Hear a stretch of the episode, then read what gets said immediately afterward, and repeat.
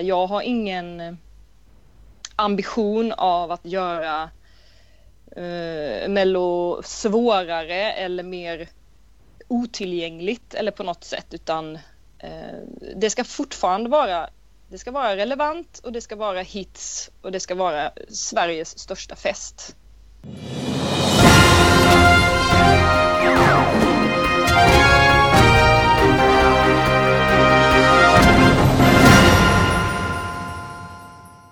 Hej och välkomna till säsong två av Slagerprofilernas podcast. Äntligen är vi tillbaka efter detta evighetslånga uppehåll på cirka två veckor ungefär.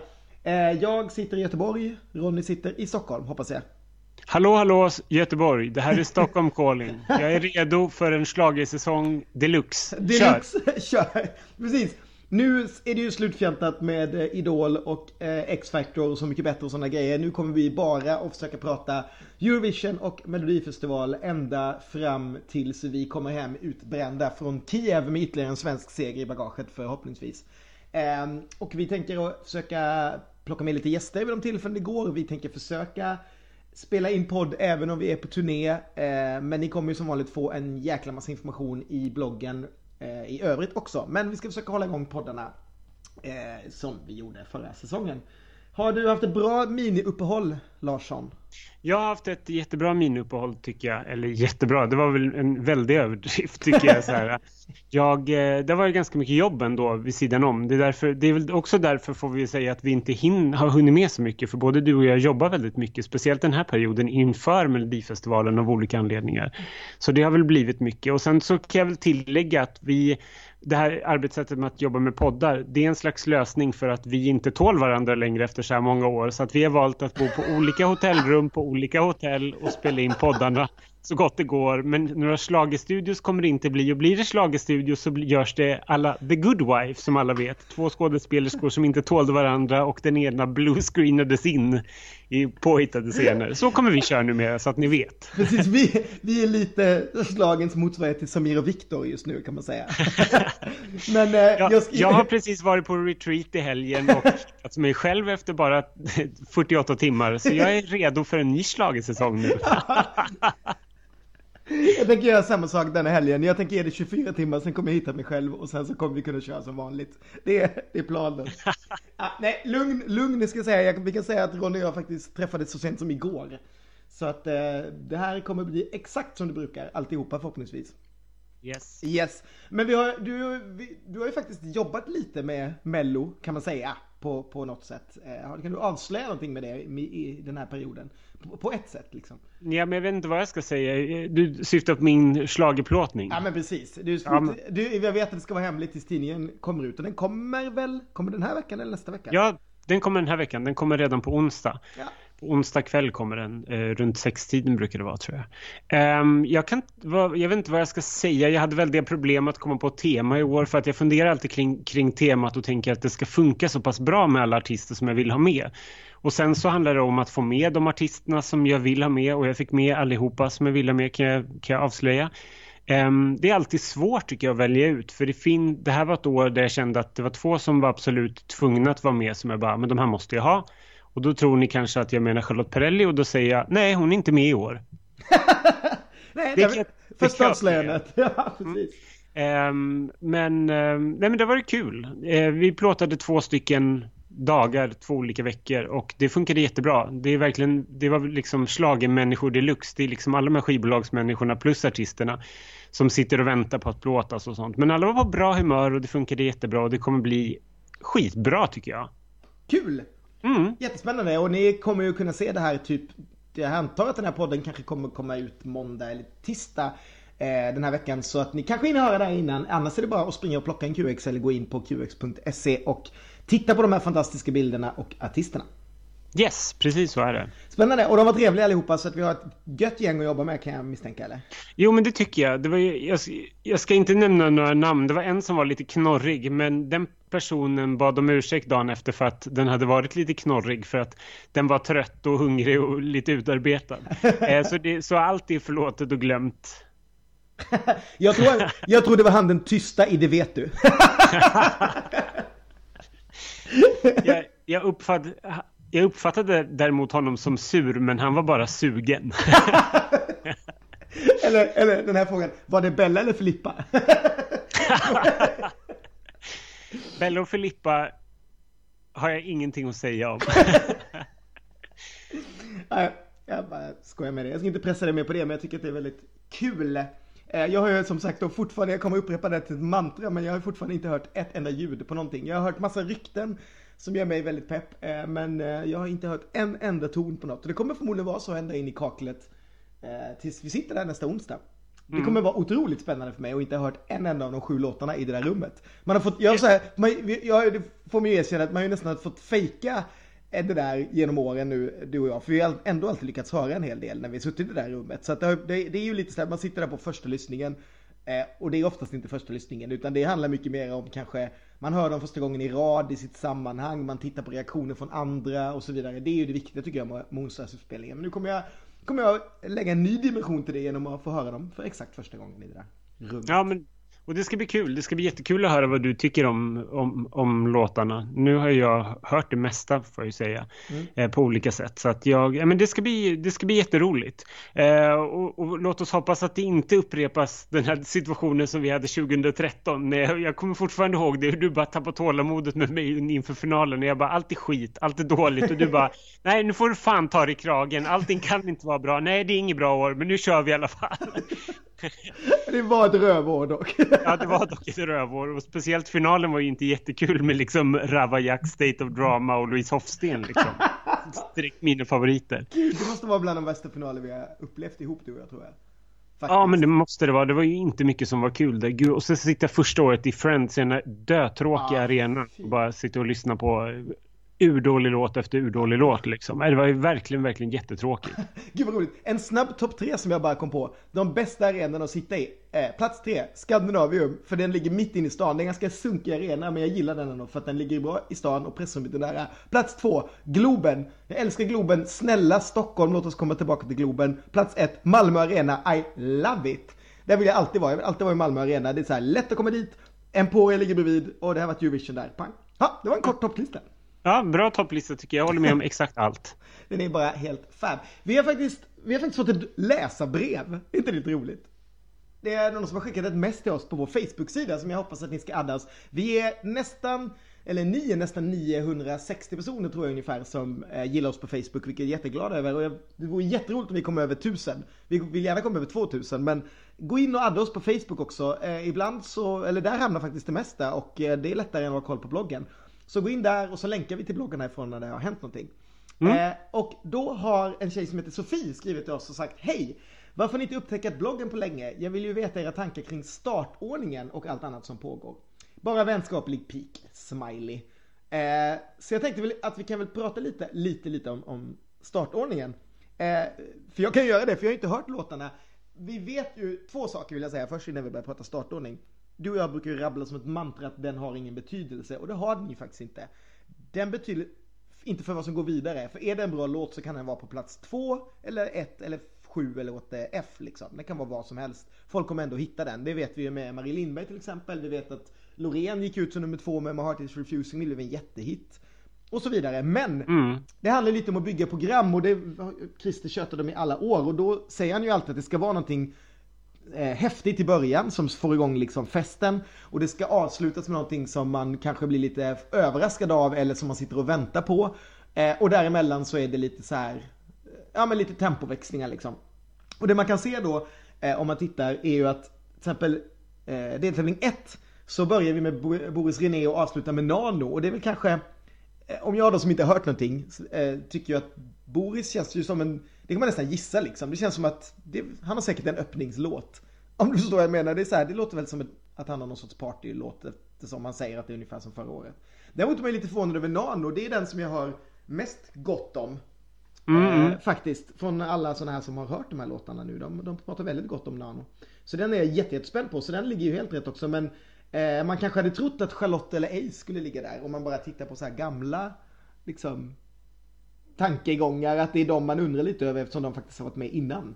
Eh, i, i smeten. Jag vet inte vad vi ska säga om det. Vi Nej, kanske men, lite, ja. Nej men det stämmer, det stämmer ju rätt bra. Jag tycker första deltävlingen är ganska logisk med liksom Boris, känd, eller från förra året, om man antar att han har samma låt som du sa. Sen Adriana som är okänd som har någon slags midtempolåt vad jag fattar det som. Mm. Sen Dinana upptempo, det vet du, lite barnshow, hej och liksom. Perelli som tydligen gör någonting finstämt. Och sen är det Ace mot slutet som är upptempo igen och sen är det Nano som är någon slags midtempo tror jag. Så att allting låter ju rätt logiskt och så finns det är ju kul med Nano som utropstecknet där mot slutet. Men det bygger ju också upp en förväntan inför honom. Ja precis och det kommer lite från förra året känner jag när Victoria gick ut sist som också var ett mm. helt nytt namn och det gick så bra för henne. Eh, och den kan man ju alltid ha den diskussionen om om Sverige har vant sig så vid Christers upplägg att det automatiskt liksom skapas förväntningar och bass av de där numren. Även om han skulle helt plötsligt bara sluta med det. Att om, om, vi, om vi till exempel skulle säga att alla sju låtarna var lika bra. Vi säger att de mm. skulle vara exakt lika bra. Det är ju helt omöjligt att säga. Men säg att det skulle vara sju exakt lika bra låtar. Skulle då låt sju ändå få en fördel för att folk har suttit liksom och Ja men för att man är van vid att där ligger ett utropstecken. Liksom. Jag tror inte det. Jag tror snarare att det, det är kanske är ett statement av Christer att lägga liksom en, en låt som som man tycker är stark och som man, tro, som man tror på i slutet egentligen. Jag tror, liksom inte, jag tror inte att de har så mycket fördel utan i slutändan så tror jag bara att, att det har blivit en grej. Det är som du säger, man kan lägga den på start nummer två, det kommer ändå kunna gå vidare liksom. Mm. Men jag tror, att det, jag tror lite grann att han genom de här eh, sista låtarna har lagt något sån här, det här är någonting som folk snackar om så folk också vill sitta kvar inom programmet. Att inför första programmet så kommer det bara snackas mycket om Nano tror jag för att jag tror att både Marcus Larsson och Nunstedt kommer plussa honom väldigt mycket så det kommer vara ett bass inför det liksom. Mm. Och sen i, i de andra så är det ju Benjamin Ingrosso, man är ju jättenyfiken på vad han gjort efter att mamma varit med så många gånger i Melodifestivalen. Mm. Och sen The Foo i trean eh, som, som liksom får räknas som ett av de stora namnen i år. Ja. Liksom. Och så avslutas allting med Loreen. Så att allting känns ju rätt logiskt om man ser till, de, till, till sista låtarna i alla fall. Men, mm. Och man hade ju inte kunnat lägga Charlotte som sista låt med tanke på att det är liksom är no någonting mer finstämt och lugnt. Det skulle vara, vara ett väldigt så här, jaha, var det mm. inte mer? Mm. Nej, men, nej, precis. Nej, men det är, så, det, det, är ju rätt logiskt. Och sen är det ganska kända namn som öppnar. Alltså, från åren tidigare faktiskt. Det är ju Boris, det är Mariette, det är Robin Bengtsson och det är Jon Henrik Fjällgren. Det är ju så här, ja alltså det är ju eh, människor, ja, nu vet jag inte om Boris hade en så stor hit men han var väl ändå ett litet eh, utropstecken förra året när han halkade med till chansen. Men de andra tre är ju sådana som, jag menar, som har kommit tvåa typ. Eller ja, inte, inte riktigt, men som är liksom i alla fall bassat top så mycket om. Liksom. Topp fem eh, artister. Mm. Så att, ja det är väl inte så mycket mer att säga om startordningen skulle jag säga. Utan det, det, är, väl, det är väl liksom jag menar både Benjamin Ingrosso och The Foo som du säger, även om det är nya namn så är det ju stora nya namn som folk mm. förväntar sig någonting av. Så att det är väl liksom, det är väl just Nano då som vi får lägga som utropstecknet som är årets Victoria kanske.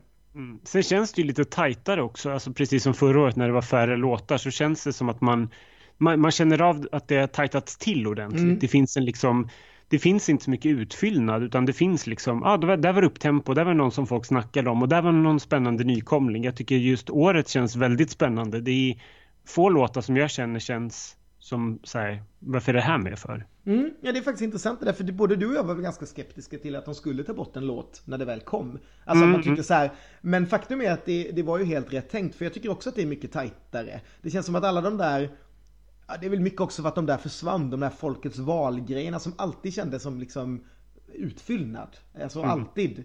Nu är det ju, nu, det finns ju faktiskt väldigt få, jag ska inte nämna namn nu för det får man alltid äta upp efteråt, men det finns ju kanske Det finns väl kanske två eller tre låtar som jag känner så här, det här kommer kanske inte vara den roligaste halvtimmen under torsdagsrepetitionerna, om man säger så. Men eh, annars är jag ju liksom så fruktansvärt spänd på det mesta av det här. Det ska bli jätte, jätteroligt. Jag, jag vill inte heller nämna några namn. Låt oss kalla henne Sara Räv. Nej, men jag, jag håller med. Men, men, men kan vi passa på också att säga den grejen att när man, det här gjorde man inför förra året, va? Visst var det så? Ja, det var det. Mm. Mm. Och då var det ju liksom olika programledare med Gina. Det, man fattade att det skulle vara mer programtid. Det ställer ju otroligt mycket press på årets programledare måste man ju säga också. Att, att man ska fylla programtiden med andra saker när tre minuter låt försvinner. Mm. Det kommer bli väldigt, väldigt spännande. Det där mm. har ju varit på senare år eh, otroligt ojämnt vad man har fyllt den här programtiden med. Så det ska bli, det ska bli väldigt intressant. För att jag menar låtarna är all ära, men det är väldigt mycket mera programtid nu som ska fyllas med någon form av innehåll. Och det här, de tre eh, programledarna har valt i år är väl kanske känns ju väldigt så här härliga människor men när Hasse har gjort liksom guld och gröna skogar i första semin så är man inte riktigt säker på vad man ska göra de andra fem om man säger så mer än att rabbla poäng. Men det jag, våg, jag vågar gissa att han ska göra Änglahund. jag, vågar, jag vågar gissa att det kommer också någonstans men ja. Det, ja, nej det, det är jag väldigt, väldigt spänd på faktiskt. Mm. En sak som eh, vi vill inte ha, pratat om, som jag bara ser här nu, för jag sitter och rabblar på Wikipedia för att skulle se startordningen. Det är ju att, har vi sagt att Gesson gick om Boström, eller vad säger jag, Bobby i år som den mesta eh, låtskrivaren i Melodifestivalen genom tiderna? Ja, helt rättvist tycker jag. När man, har, man, har man producerat eller har man spottat ur sig en klassiker som On Top of the World då är man klart värd den placeringen. Han, eh, han har 47 bidrag nu mot Bobbys 46 och då har väl Bobby varit med ganska mycket längre va? Alltså han startade väl redan med När morgonstjärnan brinner där någonstans 1987. Eh, jag vet faktiskt inte vad Gesons första var så det vågar jag inte säga. Nej, jag vart också så här, jag bara, det, det, borde man väl kunna typ, men det kan jag faktiskt inte heller. Jag blir jättenyfiken på uh, Thomas ja. G som hur han startade hela sin mellokarriär liksom. Vad drog, vad drog igång detta?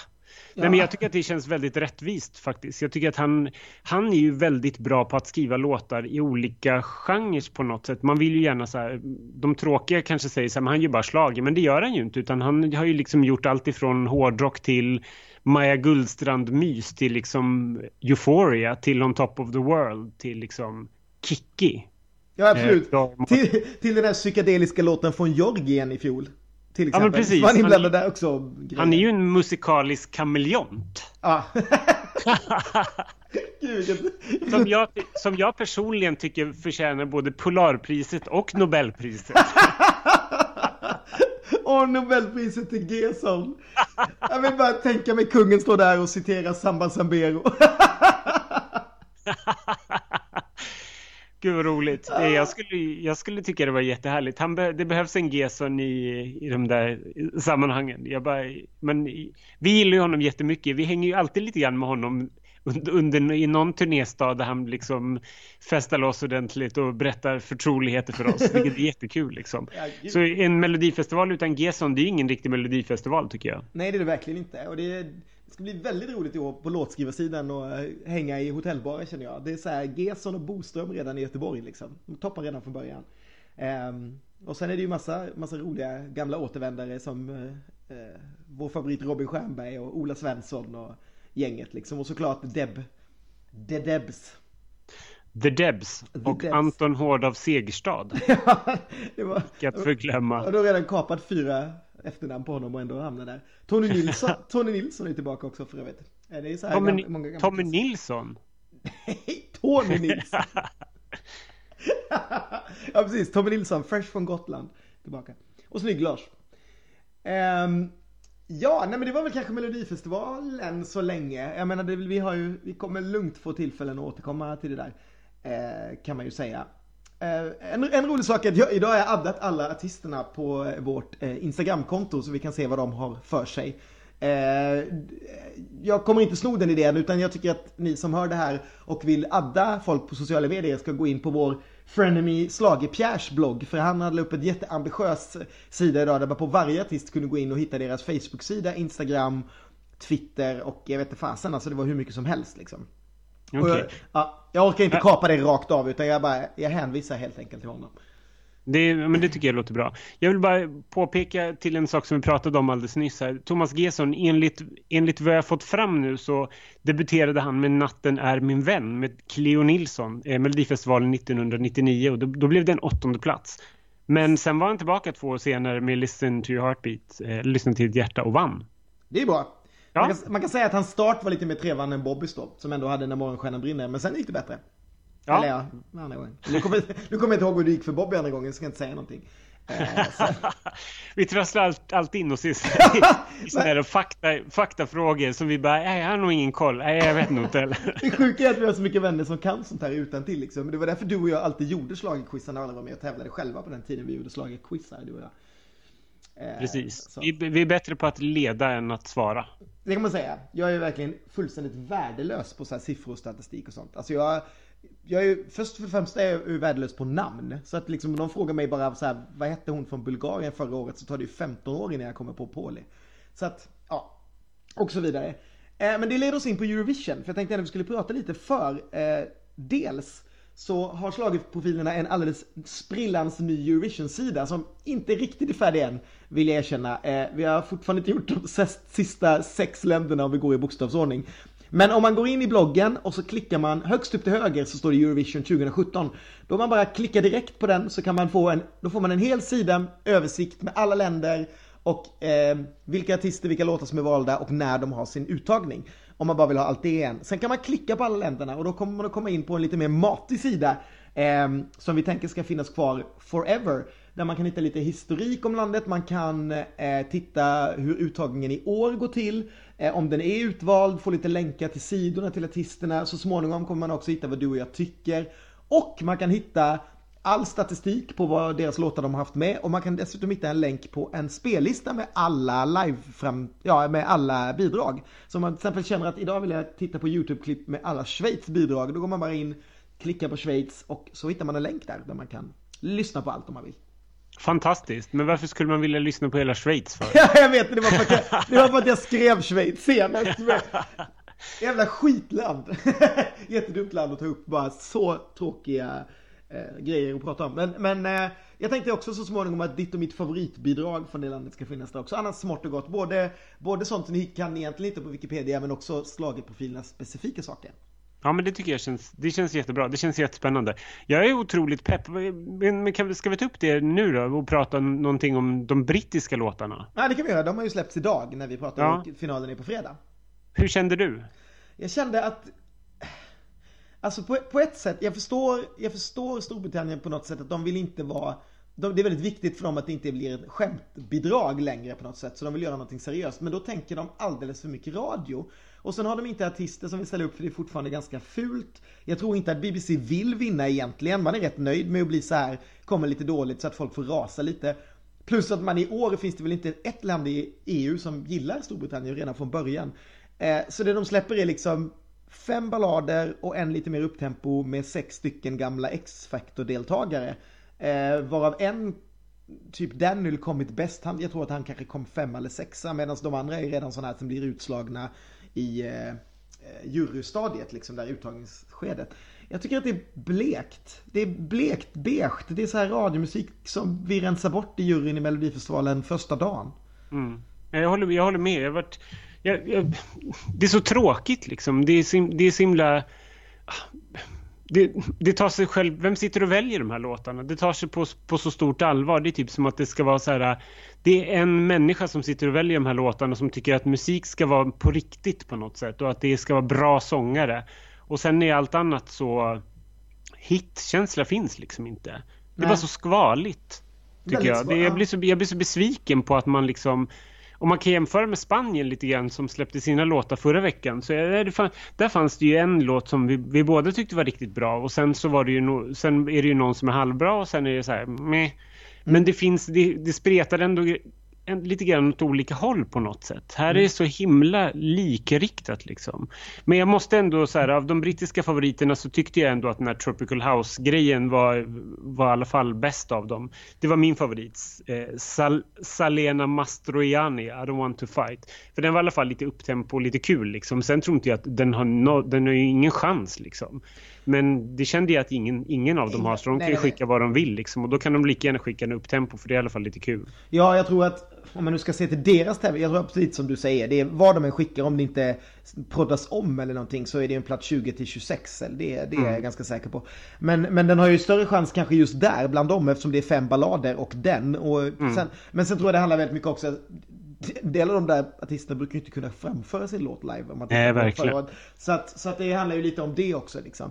Eh, men eh, nej, Storbritannien ska vi inte säga. Däremot så eh, Island släppte ju också sin ja! låtar. Och det var ju ett härligt gäng. Jag tror att en låt som heter Paper på engelska har liksom blivit en så här stora favorit om man tittar bland fans och så också. Mm. Med och nu ska jag bara så att jag inte säger fel så ska jag ta upp namnet. Hon heter Svala. Det är ett härligt namn. Den är jättebra den låten. Och jag, det, det sköna med Island tycker jag är att de, de tvingar, eller alla låtar måste finnas både på isländska och engelska och så väljer man själv om man går till final eh, vilket språk man vill framföra den på där och då är det det som sen går till Eurovision förmodligen antar jag att det är. Men i semifinalerna så är de alltid på isländska. Och jag tycker de nästan är bättre, alla låtarna tycker jag nästan är bättre på isländska. Det kan vara för att jag inte kan ett ord, jag tycker det är ett härligt språk och liksom Ja men det finns en hel del och alla finns redan på Spotify både på isländska och engelska vilket jag Ja, också tycker är jättehärligt. Så att jag har liksom dragit in den och, och eh, en annan låt som eh, som heter Bambalam som jag tyckte var jättebra också. Bambaram, det är alltså ljudet av ett hjärtslag antar jag. Med en tjej som heter Hildur som jag också har dragit in. Eh, men det fanns mycket där som jag tyckte var, var kul och som till skillnad från England liksom stack ut åt olika håll. Och som om det liksom framförs på rätt sätt kan komma riktigt långt tror jag om de väljer rätt. Ja. Så att eh, det Heja Island säger jag. Härligt, jag tycker de, vi, vi, de, de är någonting på spåren på Island liksom. Ja men det håller jag helt med om. Jag tycker det var jättekul att lyssna igenom låtarna och det kändes verkligen som att så här, men här fanns det en ansträngning bakom. Det var inte så likriktat. Min, jag måste nämna min favorit, förutom Svalas Paper som jag tror har bäst chans, som Mm. det känns som så här, men det är en bra låt. Så var det en låt som heter Skuggamynd. Mm. på isländska och på engelska heter den Albigon som är en tjej som heter Erna Mist och ett isländskt efternamn som jag vägrar uttala.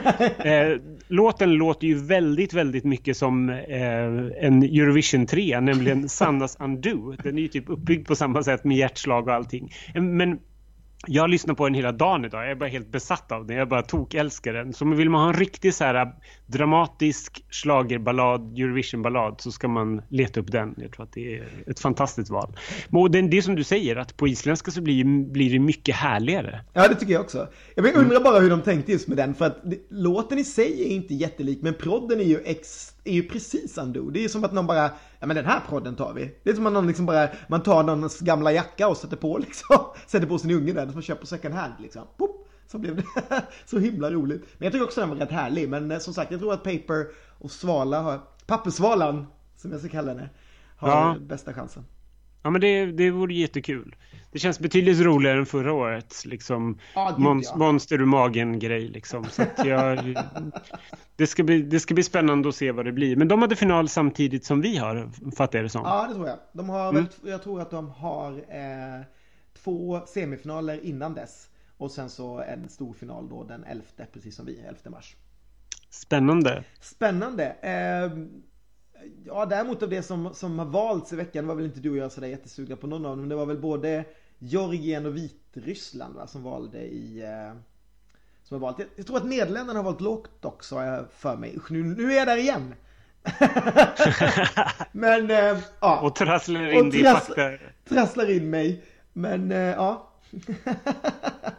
Nej men det, det, det känns ju som att det händer otroligt mycket just nu. Liksom, det har verkligen dragit igång med liksom femte show, tre, eller tredje showen i Litauen och liksom nu på, på fredag så väljer ju Finland också ska vi ju säga. ja, Eller det. på lördag mer, menar jag. På, På lördag. lördag väl Finland, men du åker dit på fredag? Ja, precis. Och det ska ju bli jättekul eh, att jag ska följa det på plats liksom. Mm. Eh, och, och det är första gången, så det ska bli jätteroligt. Vi ska bo, gå på någon här Eurovision-fest på, på fredagen och sen på lördagen ska vi se allting och sen festa med Krista hela natten lång. Det ska Ja, bli det låter jättekul. jättehärligt. Jag är, jag är så avis. Men eh, du får rapportera jättemycket nästa söndag. När vi, eh, Ja, men det ska jag göra. Om jag, om jag har rösten kvar och inte fått en kniv i strupen. Kniv i strupur. Som, Kniv i som, strup. som det heter på isländska. Men vi kan väl backa tillbaka bara och nämna lite grann den här uh, Vitryssland eh, lyssnade vi ju på. Den här folkrocken med Ja, Navi. med Navi, precis. Ja. Kvinnan och mannen som gick i skogen. Det var, det var väl rätt oförargligt, var det inte det? Ja, det var, det var helt okej skulle jag säga. Alltså inte, alltså det har ju, jag tror inte att det säger, men det, jag kan förstå varför de valde det liksom. Men, men jag är inte, jag blir inte helt blown away. heller, Nej, liksom. Men, eh, men det var helt okej. Sen kommer jag inte, vi lyssnade på Georgien också, men jag glömde bort vad det, det var han som hette Taco. det kommer jag ihåg bara för att det lät som taco. Eh, Men eh, jag kommer faktiskt inte riktigt ihåg hur låten lät. Men, nej, det var hon. Men var det inte- Jo, det var hon den där tjejen, förlåt. Keep the faith hette ju låten. Just det, det var hon tjejen som, eh, eh, just det, han säger jag, det, du märker Ja. du chansar hej vilt här och bara... det kommer bara- nog gå bra om jag... jag... kom bara- Jag kommer ihåg att det, hette, att det var någon som hette Taco för att det var som taco, men det var ju en tjej. Ja men det var, ja precis, men hon hette ju Taco. Just det. Taco Gaceiladze med Keep the faith. Just det. Ja, men den, det, var väl, det var väl en sån här okej okay Disney-ballad. Det var väl typ, om man ska kolla på de som är valda hittills så leder väl den kanske. Men det är bara för att det är väl kanske, det är den Albanien och Vitryssland som är valda i stort sett, så tror jag just nu. Så att, ja, vi behöver inte kunna den här för all fakta finns på slagerprofilerna i bloggen. Så ni kan gå in där istället. Du kommer hänvisa till det under hela schlagersäsongen. Så jag, bara, jag behöver faktiskt inte kunna det här för all fakta finns faktiskt redan uppskriven. Jag, jag behöver bara veta, det roliga är att, det, det här är också det roliga. Jag behöver egentligen bara veta det ungefär när jag skriver men jag har redan fått bassning för att jag la upp fel jag la upp fel saker en gång, jag skrev fel datum, jag skrev typ eh, januari istället för februari på, ett, på typ Danmark tror jag. Så att det är redan, folk är redan på mig, men det är bra, bara på. Eh, så hittar ni saker som är fel så det är klart ni ska säga till. Eh, Absolut. Ibland är jag sömnigare. Mm. Jo, men medan vi ändå har varit och härjat på olika länder så måste vi gå tillbaka då till Spanien som vi lyssnade lite grann på de låtarna som var, som var i deras final. De har ju fem låtar plus en, eller sex låtar varav en är liksom en wildcard-vinnare. Och det är den som är bäst den vann ju sin liksom wildcard-uttagning med väldigt hög procent. Jag tror att det var typ 78 eller någonting och de andra fick dela på smulorna, de andra två bidragen. Eh, och den låten var ju, var ju faktiskt rätt bra med en ganska stark refräng. Med en androgyn sångerska som heter Lecline och låten heter Ouch. Vilket det, låter som en väldigt märklig låttitel. Men jag tycker att det... Vi tyckte ju båda att den var rätt bra. Mm, jag tycker den var jättebra. Mm. Det ska bli väldigt spännande. Nu, nu borde vi veta då när deras uttagning är, men jag har faktiskt ingen aning.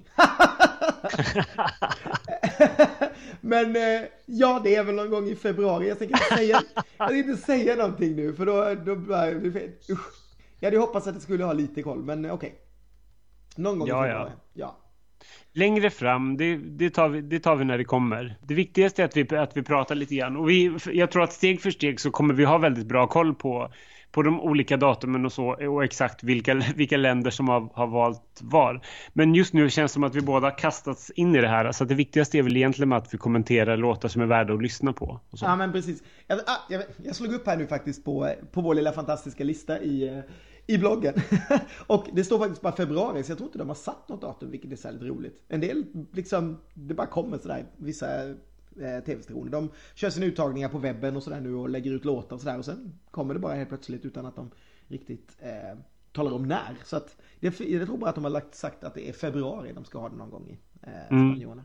Och medan vi ändå är på Spanien så måste jag bara få nämna min, min halva favorit får jag väl säga ändå. Med en, en, en kvinna som heter Mirella och låten heter Contigo. Som delvis är skriven av Tony Sanchez Olsson som har haft bidrag med i Melodifestivalen till exempel. Um, det här är ju en sån låt som jag skulle kalla för en fanwank egentligen. För liksom, jag tror att många Eurovision-fans tycker att den är bra. Jag tycker att den saknar någonting när man kommer till refrängen men den är ganska härlig liksom, i verserna. Och precis när refrängen drar igång så är den väldigt bra men sen tappar den lite grann när det ska klämmas in liksom, lite andra fraser och så. Men jag tycker ändå att den är värd att lyssna på om man tycker om Eurovision Eurovision Pop. Nice!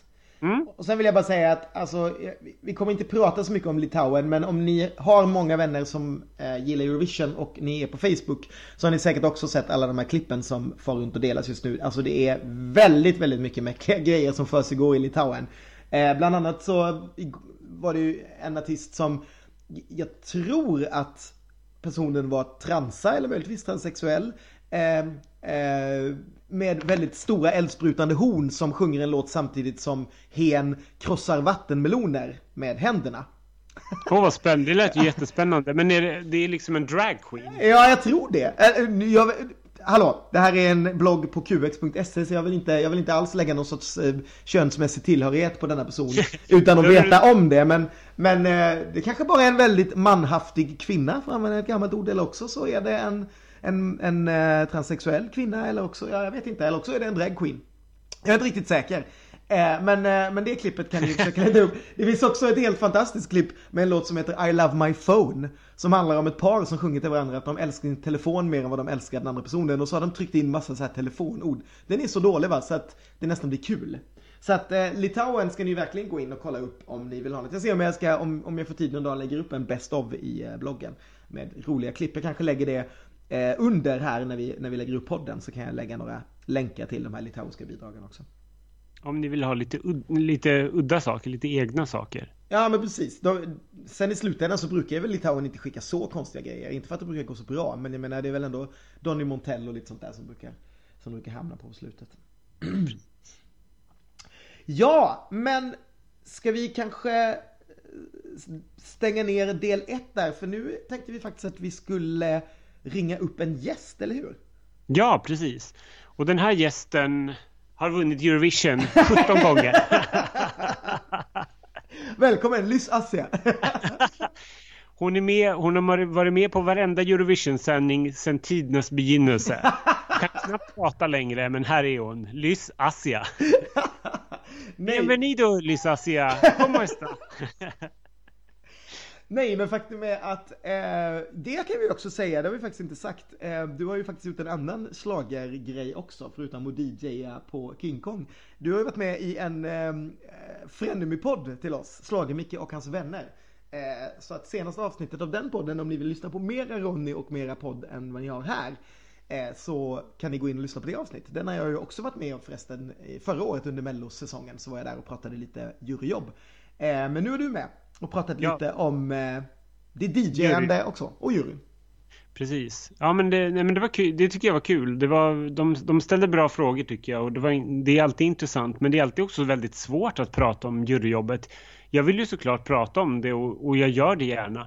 Men det är jag, man får så. inte prata så mycket om det för, så att det är svårt att veta ibland vad man får säga och inte säga men jag tror att jag håller mig på rätt sida av det för att jag nämner ju inga namn liksom eller någonting och då så länge som man inte gör det så klarar man sig ju rätt bra.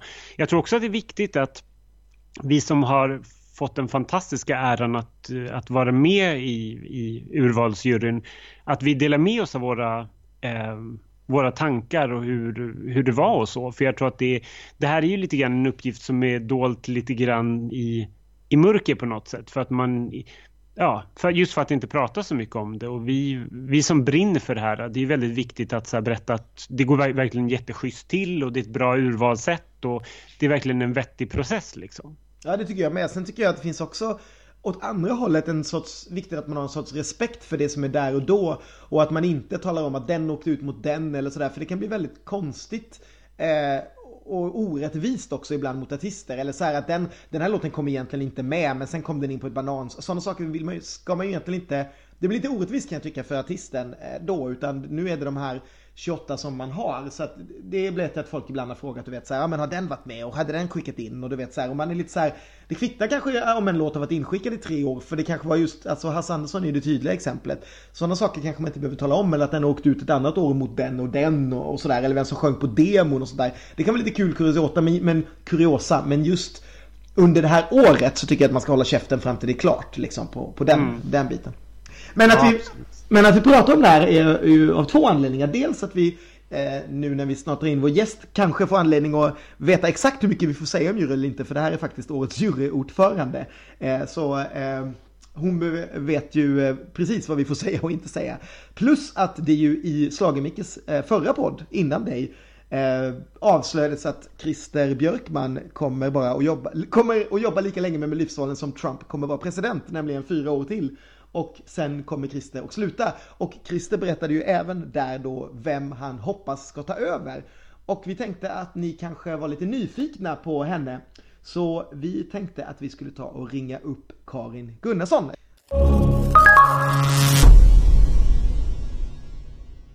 Då har vi äntligen efter mycket om och men kopplat eh, upp vår gäst Karin Gunnarsson. Välkommen till Schlagerprofilernas podcast. Ja men tack! Det är så himla kul att få vara med och vad härligt att det funkade. Ja, vad härligt att det funkade till slut. Det kan man inte tro. Um, vi sa lite i presentationen innan du dök upp här att du, du på något sätt blev outad bara för några veckor sedan av Christer Björkman som den han vill ska ta över efter honom. Och vi, vi är väl ganska medvetna om att du kan kanske inte svara på om du är den eller om du kanske inte ens vet om du kommer vara den. Men vi tänkte ändå att det är så många fans som är lite nyfikna på vem den här Karin är. Och eh, vi ja. kan ju ändå prata en hel del om årets jury om inte annat eftersom du var ordförande och du har ju haft din finger med i spelet några gånger plus att vi ju känner varandra alla tre sedan lite tidigare. Så vi tänkte det var kul att ha mm. med dig här.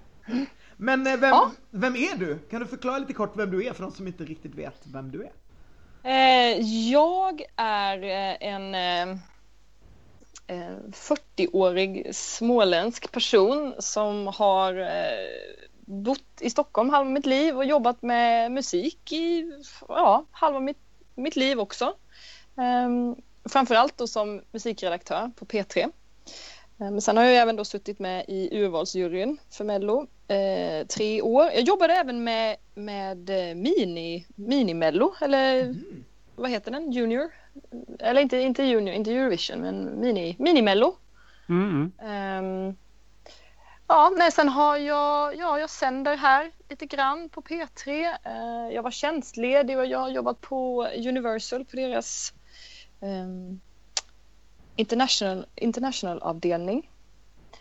Ja, så jag, det liksom, jag har spelat skivor och jag har varit ute väldigt mycket och hängt runt här i stan och ja, det är liksom musik är mitt största intresse. Så att det är det jag har liksom ägnat mig åt i hela mitt liv. Mer eller mindre professionellt.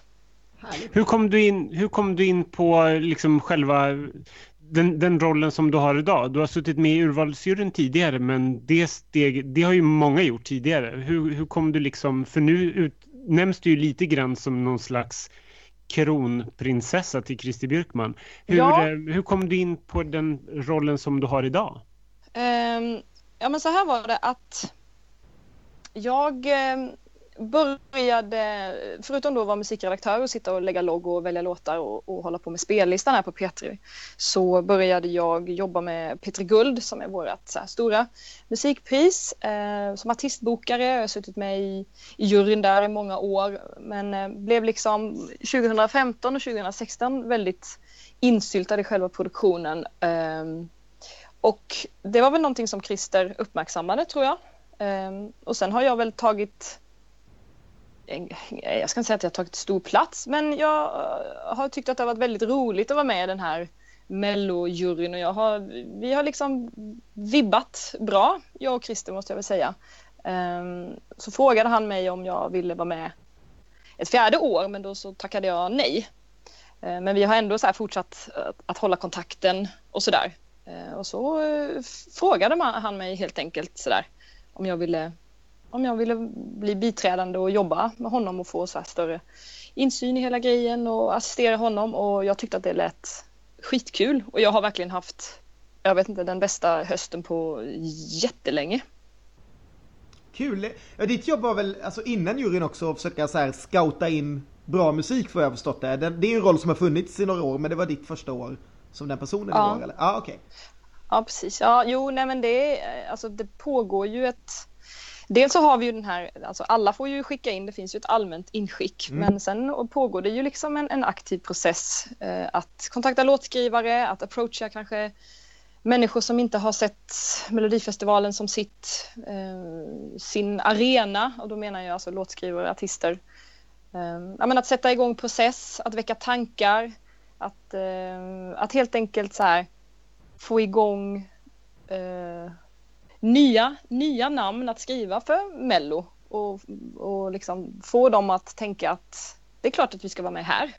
Mm. Eh, och där kom jag väl in då lite som, för jag Christer eh, har ju enorm erfarenhet och jättemycket kontakter och är ju naturligtvis eh, välkänd i branschen men det finns ju folk som jag känner som inte han känner och eh, som jag kan approacha på ett sätt som kanske inte han. Han kanske inte har tillgång till de människorna på det sättet som, som jag har Mm. Eh, så att det är mycket möten och, och sånt. Ja, att helt enkelt bara se till att, att, att vi är intresserade och vill lyssna på vad det är de har att skapa och skriva och spela in. Mm. Så, Skil ehm, så, så var det. Jag undrar lite grann om de här två världarna skiljer sig. Liksom är, det en, är det en P3-värld och är det en mellovärld? Liksom, eller, och går de ihop lite grann eller är de liksom lever de? Hur, hur, funkar det liksom?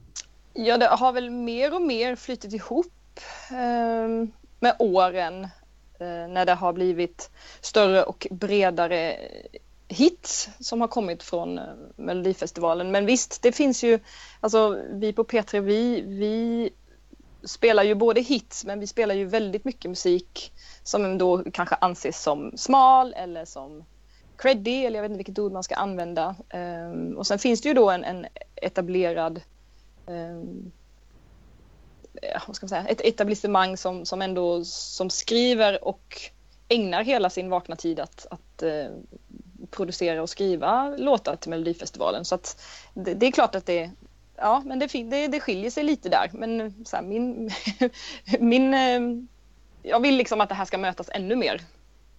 Mm. Det är härligt. Annars, annars måste jag säga att det är ju, jag tror att man också någonstans måste bara komma till den där acceptansen att det inte kommer att kunna mötas eh, till 100% men det, jag tycker du gör ett vikt, jätteviktigt jobb att man får in det gänget ändå som finns i den andra världen, om vi ska säga det nu med citationstecken, som verkligen vill vara med. Sen får man ju alltid ha respekt för att det finns människor som inte vill tävla med sin musik. Liksom.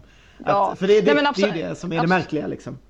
Ja, nej men absolut. Nej, men också sen, alltså Melodifestivalen, det finns ju så många Eh, andra parametrar och värden i det. Det är ju också ett, ett Sveriges största underhållningsprogram. Det är också TV. Eh, det ska eh, det har en, en, en, målgrupp som är jättestor. Jag menar Petris målgrupp och det, det, liksom, det vi ägnar oss åt, åt ska ju liksom någonstans ja, hamna mellan 9 och 35. Lite mm. luddiga eh, målgrupper. Men, men där, där, där Melodifestivalen är liksom, det är ju det stora breda familjeunderhållningsprogrammet där min, min mamma och mina små barn ska hitta någonting som de gillar och sen alla däremellan naturligtvis. Eh, så jag menar det är ju, det är, det är ju två olika kontexter liksom. Och precis och, och som då med alla fans, alltid är väldigt viktigt att påpeka att det är ju i grund och botten också en uttagning till Eurovision som är någonting mycket, mycket märkligt egentligen. Eh, men också ganska fint där 42 galna bidrag ska mötas och det gäller att hitta någonting som kan sticka ut där också. Eh, ja. Och så vidare. Precis, det, det är ju liksom Mello är ju bara en, en del av något större också. Mm. Som Eurovision. Har du någon koll på Eurovision alls? Alltså det är ju, alltså hur, hur har du, för jag, om man tänker Christer kommer ju snarare från det hållet. Han kom väl från någon sorts Eurovision-älskare som fick börja jobba med Mello på något sätt. Mm. Och du, det kan man ju känna att du kommer från musikhållet som behöver lära dig kanske den här konstiga varianten. Ja, ja men absolut. Ja på ett sätt men också jag menar jag är ju uppväxt med, med Eurovision och att det har varit som någon form av höjdpunkt i tv-tablån. Eh, alltså så att visst, nej jag är ingen, jag är ingen, jag är inget Eurovision-proffs men jag har ju följt det antingen liksom hem, hemma i soffan som liten. Jag menar jag är från Vetlanda i Småland. Lena Philipsson var jättestor i mitt liv. jag kommer aldrig glömma när hon signerade en skiva till mig på Expert vid torget i Vetlanda. Eh, nej men också, liksom, så jag har ju följt och tittat på det här mer eller mindre i hela mitt liv men sen med olika perspektiv naturligtvis. Först bara som ren underhållning eh, och sen mer ut ur ett professionellt perspektiv för att det, det känner jag i min yrkesroll ingår att jag håller koll på vad som händer. Vad är det för strömningar? Vad finns det för artister? Vad finns det för låtar? Vad är det för crazy grejer?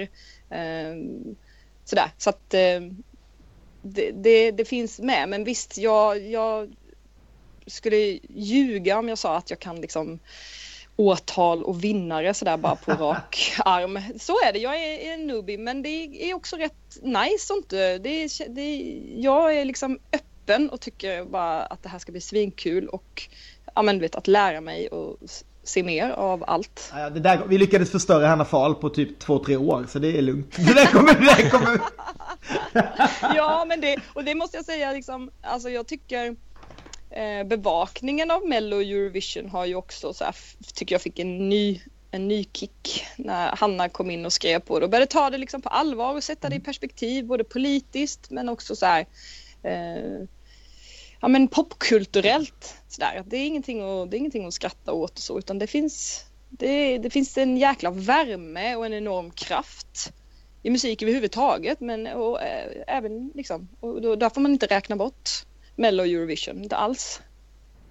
Vi, vi, var inne och nallade lite grann på ämnet tidigare men jag tänker lite grann som att, eh, att Christer kom från liksom den här Eurovision-älskar-grejen och så.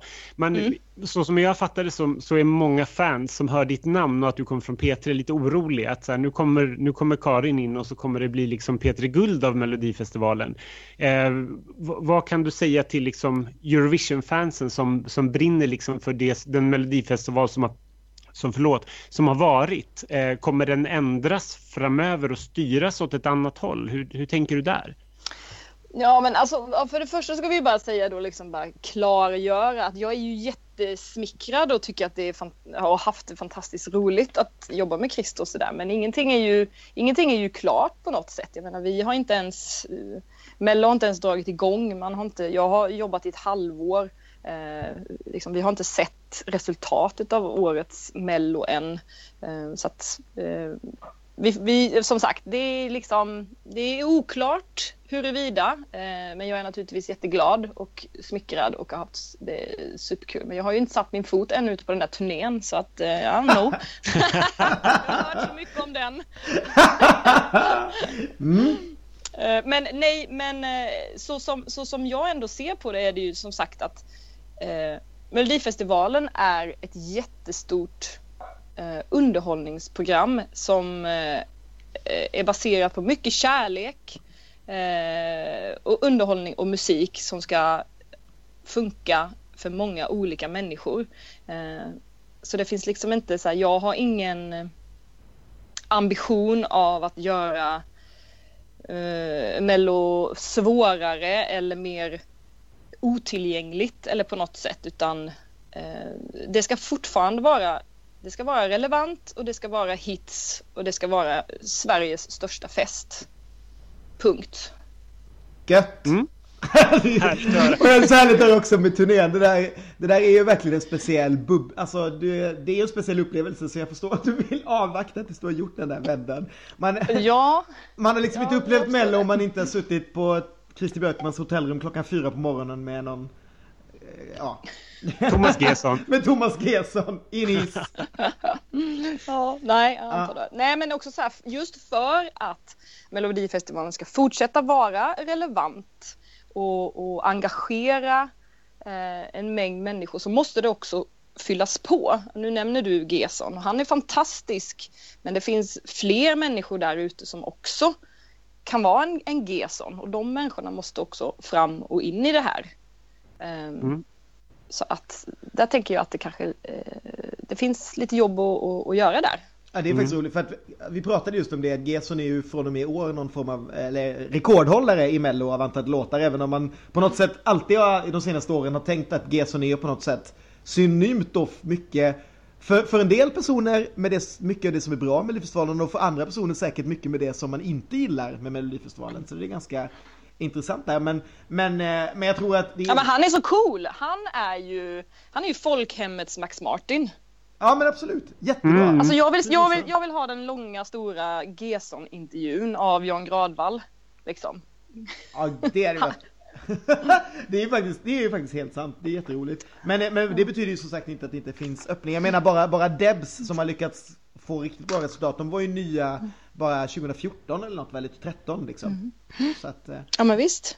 Men tycker du att du har satt en prägel i år när du tittar på det slutliga slag? Alltså när vi, när vi sen hör de här 28 lotterna, kommer man, kommer man att känna att det är lite Karin ändå inblandat? Tycker du alltså i, i lagom dos? Um, ja, alltså jo men det, ja det hoppas jag ju. Uh, folk, som, folk som känner mig kan ju säkert redan nu lite så utifrån startfältet kanske så här, jaha, här, har, här har du. Men, men sen, jag måste säga, sen är det ju det är ju, eh, vi har ju den här urvalsjuryn också som är med och väljer ut bidrag så att eh, jag menar om nu, om, säg nu att jag har satt igång processer och jag har kontaktat folk och jag har fått in låtar och så går de inte genom juryn får de ett jättedåligt utslag där. Då är det ju också en, en fingervisning att säga, aha men kanske det kanske inte håller riktigt.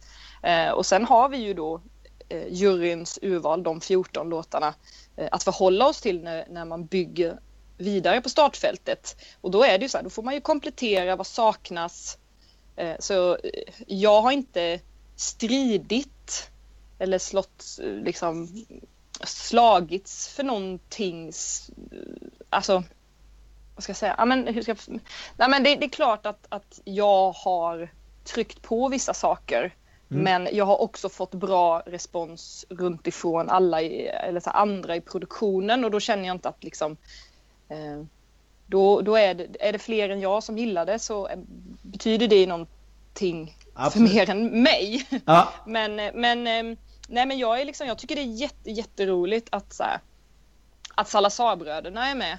eh, som upphovsmän i år till exempel. För att, att eh, vi har en, en, en inom citationstecken då riktig hiphop-artist med. Eh, ja, sådär. Mm. Och att man kanske har vågat ta ut, ta ut eh, svängarna lite eh, soundmässigt ibland. Eh, jag sitter ju ändå och jobbar med, med ja, vad ska man säga, ja, men hitlistemusik och bli utsatt för olika nya sound hela tiden. Och det där vill man ju ändå säga, ja men okej, då kan vi ändå få in det här på något sätt. Eh, mm. Men när vi träffar artister och sådär och liksom man börjar prata om, då är det också så här, vi vill inte mellofiera folk utan de ska göra sin grej och sen så får folket tycka det är bra eller inte. Mm.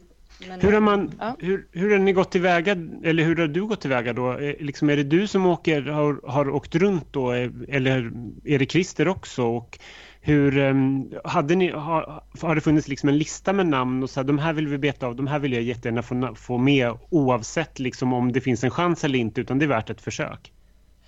Alltså vi går ju på ganska mö många möten tillsammans men det är liksom omöjligt att, att synka ihop oss hela tiden. Så en del möten har ju jag kanske tagit själv eller att de har kommit till oss på, på eh, SVT. Mm, mm. Um, nu, nu tappade jag frågan.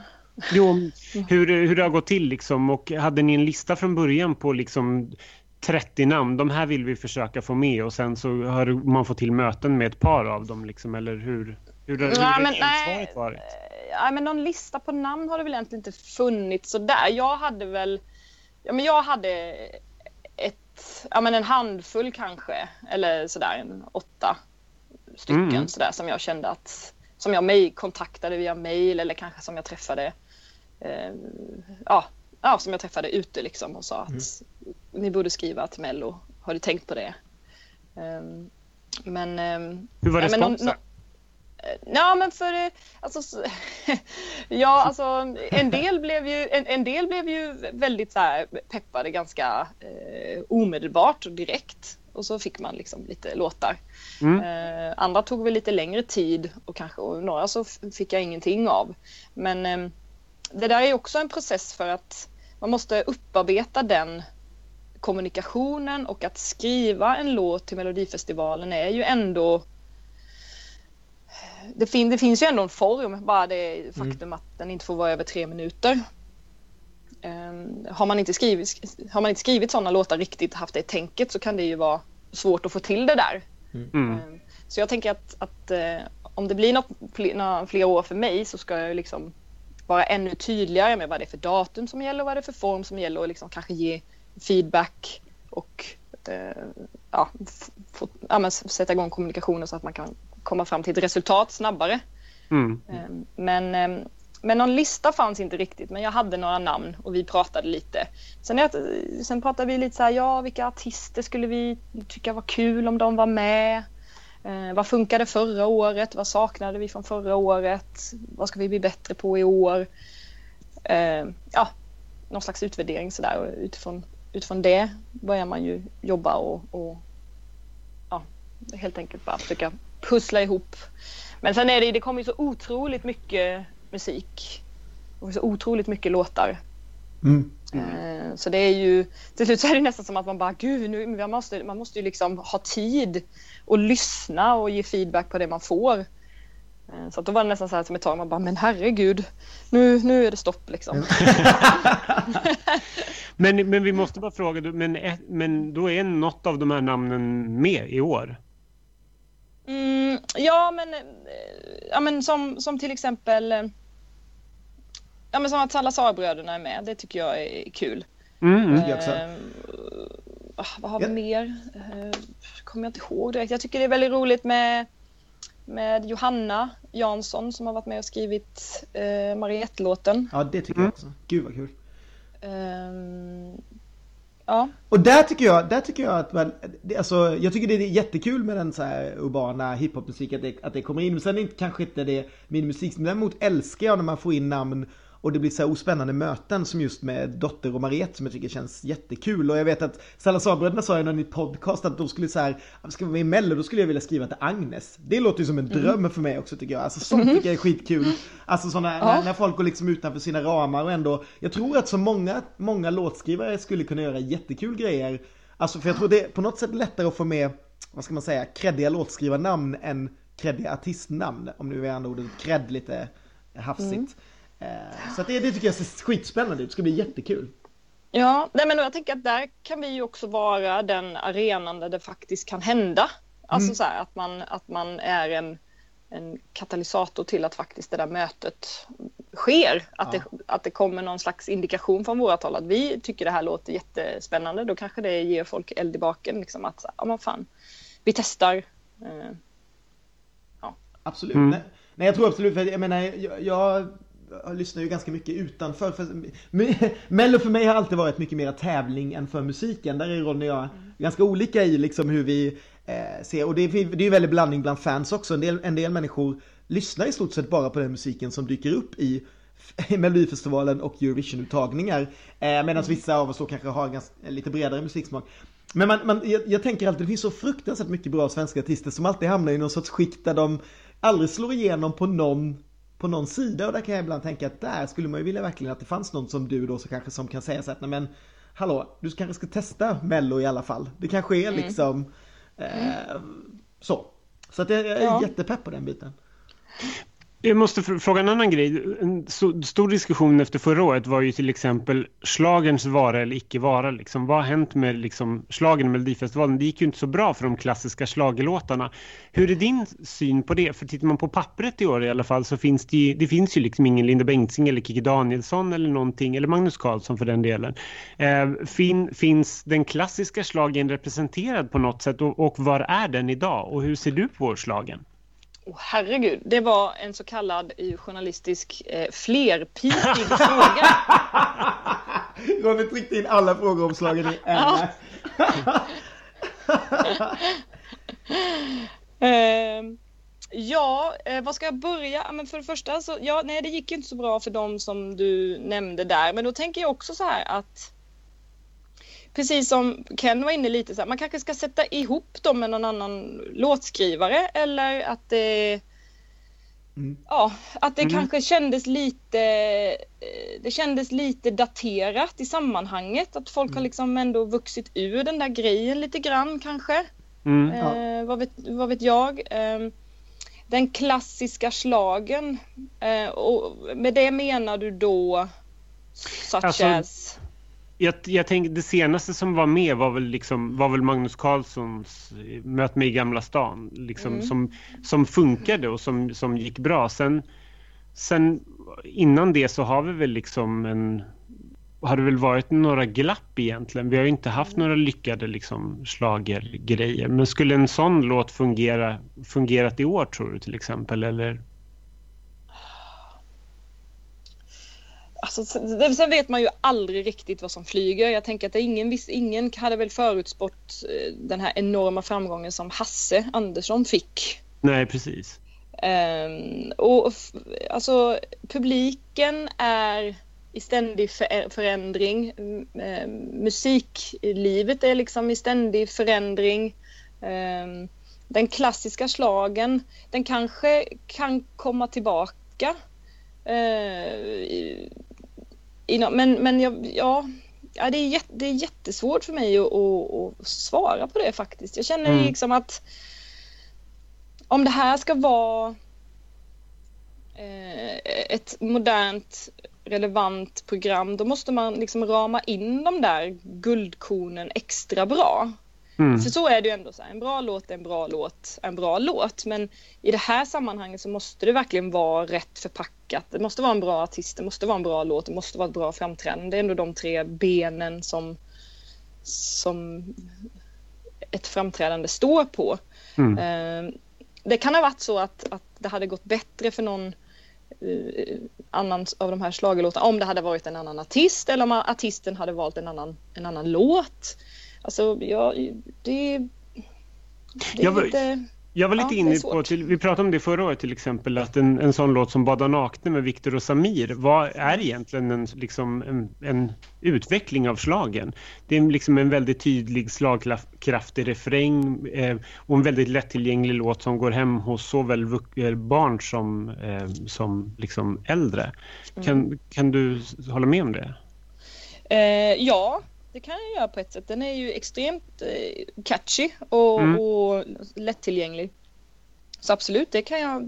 Jag tänker inte säga emot dig där alls. Jag tycker inte det är så svårt där också. Vi, vi, är ju- dels heter vi schlagerprofilen och vi använder det där men det är ju egentligen ganska svårt att definiera det. Jag vet när jag har suttit i juryn och jag har ibland känt liksom någon sorts ok på mig från Ronny när han inte har suttit i juryn för jag vet att han gillar schlager men jag har insett att jag själv egentligen inte ibland inte vet vad det är som, som är en schlager. Min, mitt gebit har alltid varit så här liksom glada poplåtar på något sätt och det kanske det kanske blir slagen när de är i- med i mello men hade de gått bara på radio kanske det är någonting annat. Så jag vet inte, jag vet inte, det är svårt det där.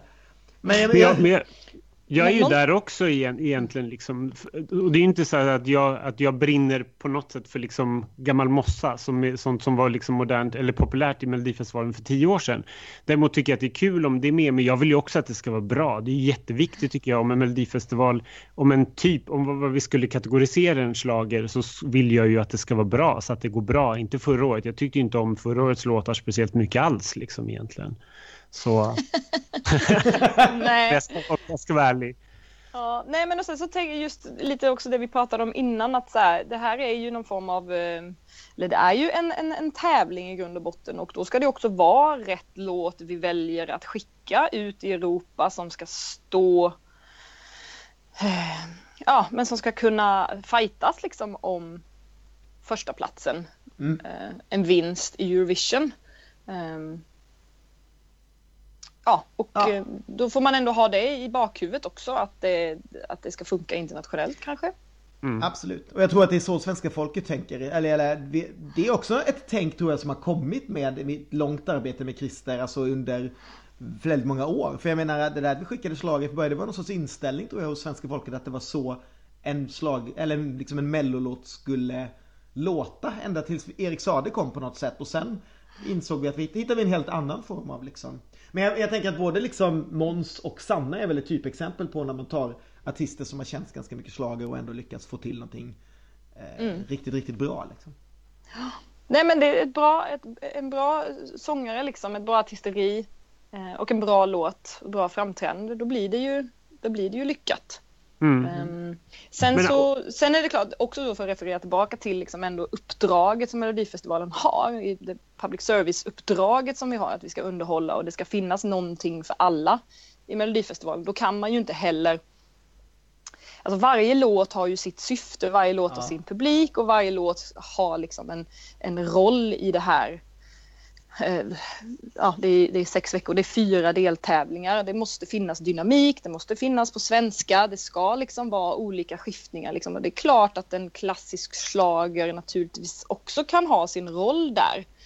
Ehm, så det ska man, inte, man ska inte glömma liksom att så här, eh, alltså, en låt kan ju bli jättestor här hemma eh, i Sverige och det, det är precis exakt det syftet den låten har och sen så tar vi någon annan ut i Europa.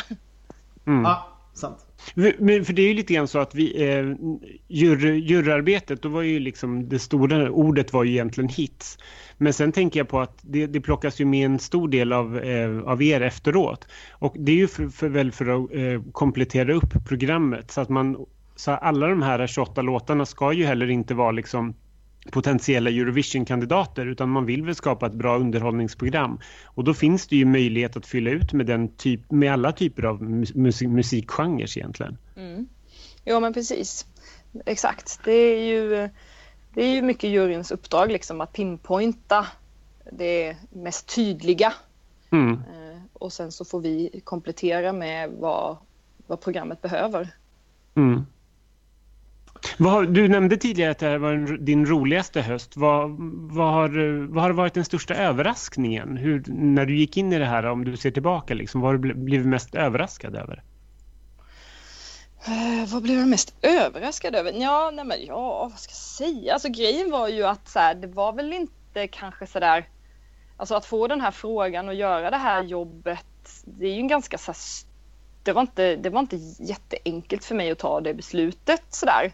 Eh, för jag tänkte så här, hur ska jag bli mottagen där? Och, ja, men det var lite, så här, lite ångestfyllt att gå in i det. Men att, mm. så här, eh, att träffa så många så här, proffsiga människor, eh, en, en kärlek till musik. Ja, men liksom att de inte hade så mycket förutfattade meningar kanske om mig. Jag vet inte, det var en väldigt så här ren och rak och hjärtlig stämning. Um, och sen mm. att, ja, det var väl rent så här med att möta alla i redaktionen och, och, och liksom lära känna folk där. Sen så var jag ju, sen när man väl började liksom sätta igång arbetet och möta låtskrivare och artister och liksom eh, ändå ja, men, möta det här stora intresset som finns, finns för Mello. Um, att folk vill göra ett bra jobb, att folk vill skriva bra låtar, att, att det är sån hög nivå på, ja, men på bidragen och sådär. Ehm, men eh, ja, annars bara, nej men väldigt roligt så här, att lära känna Christer och eh, vi har haft, vi har haft, vi har Vi har, nej, vi har inte grälat har vi inte någon gång. men man har surnat till, jag har gråtit. Jag har gråtit har jag gjort så här för att jag tycker att saker har varit så bra. Det var länge sedan jag verkligen grät. Sådär. Så att, nej, jag vet inte, det har varit så mycket stora känslor liksom. Inget då... så här sl smälla i dörrarna, jag stormar ut, jag klarar inte av det här längre. nej, nej, vi har bara så här, då har vi så här mumlat, tagit en snus. och det har liksom inte ens börjat åka än. Det är alltså... Vi ska se sen när, när låtarna börjar ryka ut och allt det där, då blir det hot alltså. Vi har varit på, det har varit på kvällar när, när människor inte har kommit ner på efterfesterna och sådär. Det kan bli riktigt jobbiga, men också väldigt glädjefyllda liksom, eh, tillställningar den här turnén. Alltså jag ser så fram emot detta. det ska bli jätteroligt. Vi kan... Det gör vi också. Ja, det är någon slags skräck, skräckblandad förtjusning.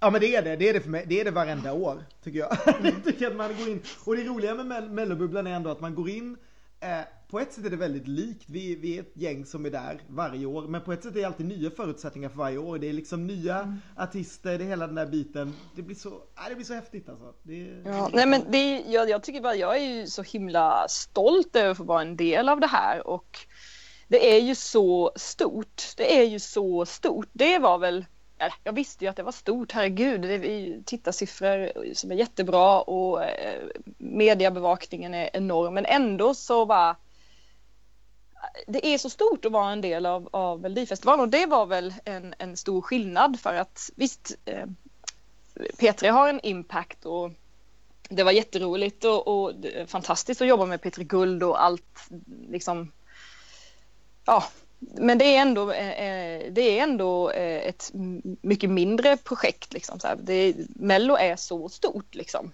Mm. Så det var jag ju, liksom, när det liksom verkligen damp ner på mig så bara shit. Det här är så jävla, det här är så jävla coolt. ja, jag längtar ihjäl mig tills vi står på dansgolvet i Ukraina på Euroclub. Alltså när man, upplever Euroclub för första gången. Det är något speciellt kan jag säga. Dessa, ja. ja. ja. Jättekul. Nej, men, har, ja. Eh, förlåt, har, eh, har du någon favoritlåt från, liksom, från Melodifestivalen de senaste åren? Någonting som har så fastnat hos dig väldigt mycket? Eh, alltså det där är så himla svårt att svara på. Eh, och jag typ, ja, nej, jag, jag har inte det. Det är, väldigt, det är väldigt många olika grejer som, som sagt, som, som jag sa att jag menar, jag är uppväxt med Mello och Eurovision och att, vara från, från Vetlanda var ju, är ju väldigt stort. PGA uppenbar anledning. Men jag menar, jag tyckte ju Diggiloo Diggiley var fantastisk. Eh, en dag. Eh, ja, men liksom, jag har så många minnen från, från gamla, eller gamla, men från säga, nostalgiska grejer. Och, men även så här, rent professionellt har man ju spelat vissa låtar mer än andra. Men, men jag kan inte så här pinpointa något särskilt eh, någon särskild artist eller särskild låt. Jag tänker alltid att jag har inte hört eller sett det bästa än. Nej, det är en bra inställning. Det tycker, det tycker vi om att höra. Ja, men, då, men ska vi avrunda här då kanske med den? Och sen så eh, finns det säkert anledning att återkomma eh, till dig framöver hoppas vi och prata med Absolut, alltså jag hoppas att jag får vara med igen utan, utan eh, kommunikationsproblem. och, och, kanske, och kanske inte riktigt lika Petri Guldsliten som jag är nu. så om jag, om, jag, om jag har varit luddig så är det för att kanske inte funkar riktigt som jag brukar. då ska, då, veck, vecka fem. jag säger bara det, vecka fem på någon, på någon efterfest där, då är det inte många som är starka. Då, då ja, eh, så tar vi det. Mm allting som du har brunnit för har då fått åka har då lämnat Melodifestivalen. Du, Christer har hånat dig i två veckor för det och sen så bara... ja, ja, ja. Inte, inte. Nej, vi tycker att, vi tycker att du har gjort ett... som skrattar sist, eller vad säger ja, du? Skrattar... Nu ska vi båda komma ihåg att det är ni två som har suttit i juryn, så är det någon som ska håna här så är det jag. alltså jag, jag är så himla nöjd, det kan vi bara avsluta med. Jag är jag är väldigt, väldigt nöjd och glad över hela årets startfält. Jag satt faktiskt och lyssnade på några, på några låtar här idag på mitt rum på jobbet, stängde dörren, tog på lurar och lyssnade på några stycken och bara kände att det här är så jävla bra. Gud vad kul! Känner mig som en liten, en liten så här, en trojansk häst här i radiohuset. Det ska bli så kul verkligen att få vara med om det här. Och vi, vi, tycker absolut att du har gjort ett väldigt bra eh, första intryck. Jag tycker att det var jätteintressant att prata med dig om, om det här. För det, det är som sagt mycket saker som man, som man vill veta och det är alltid kul att lära sig någonting nytt. Liksom. Ja. Ja, men jag är, jag är open-minded och redo att eh, bli, bli upplärd. Så jag tänker att så här, jag, ni, får väl, ni får väl låsa in mig på något rum på turnén då och och köra Absolut. någon slags eh, korsförhör. den här veckan, den här veckan ska vi prata Arvingarna. Och yes. det här är Ronnys den här skolan. Det här är en bra slager, det här är en dålig slager. Ja, absolut. Den kan jag också Herregud. Ken har fortfarande inte lärt sig kan jag säga. Så så? Och så måste, du, så måste du komma till Bibar när vi DJar på första fredagen, om du är i Göteborg första veckan. Ja, jag kliver på mellotåget eh, nästa eh, måndag, den 30. Så jag jobbar hela veckan. Jag ska åka till Göteborg, jag ska åka till Malmö.